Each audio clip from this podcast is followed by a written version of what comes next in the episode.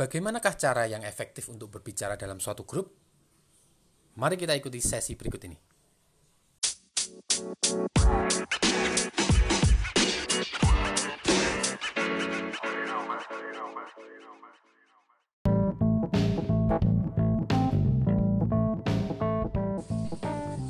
Ya, halo apa kabar?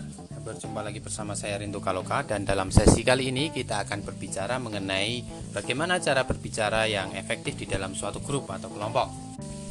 Hal pertama yang perlu dilakukan adalah kita harus mengetahui bahwa orang itu berkomunikasi dan berpikir secara berbeda. Jadi kita tidak bisa menyamakan antara cara berpikir orang yang satu dengan orang yang lainnya.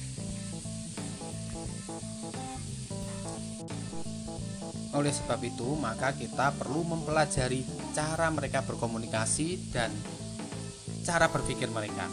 Ini menjadi penting. Jadi, kita tidak berpikiran hanya pada diri kita sendiri. Kita juga harus bisa memahami bagaimana cara kita berkomunikasi dan bagaimana cara kita berpikir. Setelah itu, kita juga harus bisa mengidentifikasi bagaimana orang lain itu berpikir dan juga bagaimana gaya orang lain itu berkomunikasi. Di sini yang menjadi penting adalah kita sebagai fasilitator harus bisa menjadi jembatan antara dua perbedaan tersebut. Jadi antara pemikiran kita dan pemikiran uh, audiens. Tidak lupa pula kita juga harus bisa berbicara dengan menggunakan bahasa mereka Langkah kedua adalah membuat lingkungan yang positif. Dalam artian seperti ini. Eh, dalam kita berkomunikasi dalam satu kelompok, kita harus bisa membangun namanya kepercayaan, trust. Kemudian adanya respect atau rasa saling menghormati. Kemudian kita harus terbuka pada orang-orang yang berpikiran beda dengan pemikiran kita. Dan juga lingkungan yang perlu di bentuk adalah mereka nyaman untuk berbicara. Jadi di sini kita sebagai fasilitator ini bukan hanya kita yang berbicara, tetapi juga kita mengharapkan feedback dari mereka. Untuk itu maka diperlukan lingkungan yang nyaman supaya mereka bisa mengeluarkan pendapatnya.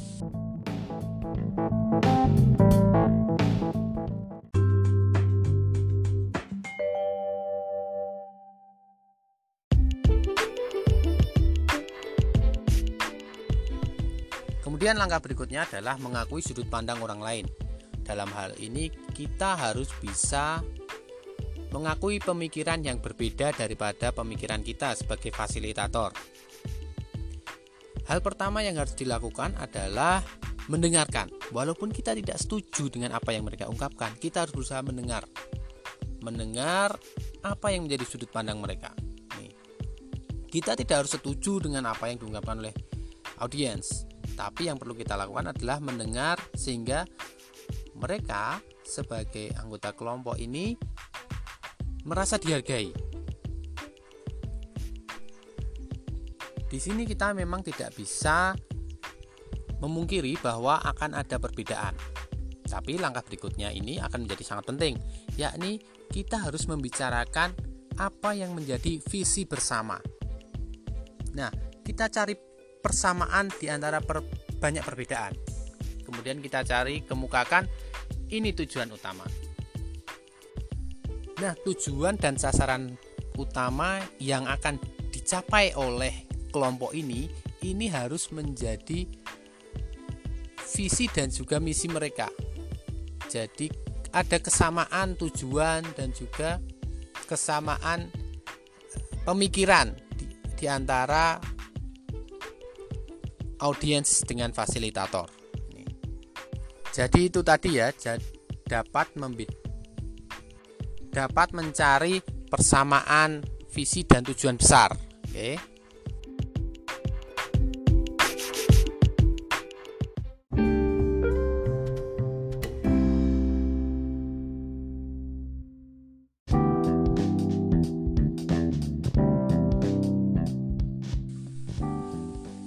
Nah, langkah berikutnya adalah kita harus mengetahui apa yang uh, audiens ini inginkan, atau ingin ketahui apa yang mereka butuhkan. Dan kita juga harus memahami dan bisa menjadi fasilitator bagi mereka. Setelah itu, dari diri, dari diri kita sendiri, kita harus mengetahui apa yang bisa kita berikan untuk mereka.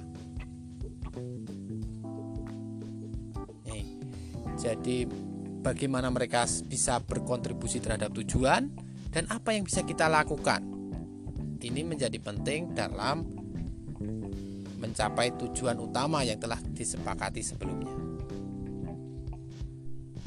Terlebih dari semua itu adalah kita harus bisa memotivasi grup kita. Dalam artian, kita harus bisa memberikan semangat kepada mereka untuk bisa segera bertindak mencapai tujuan yang sudah disepakati bersama-sama. Sekian sesi kali ini, tetap sehat selalu dan sampai jumpa.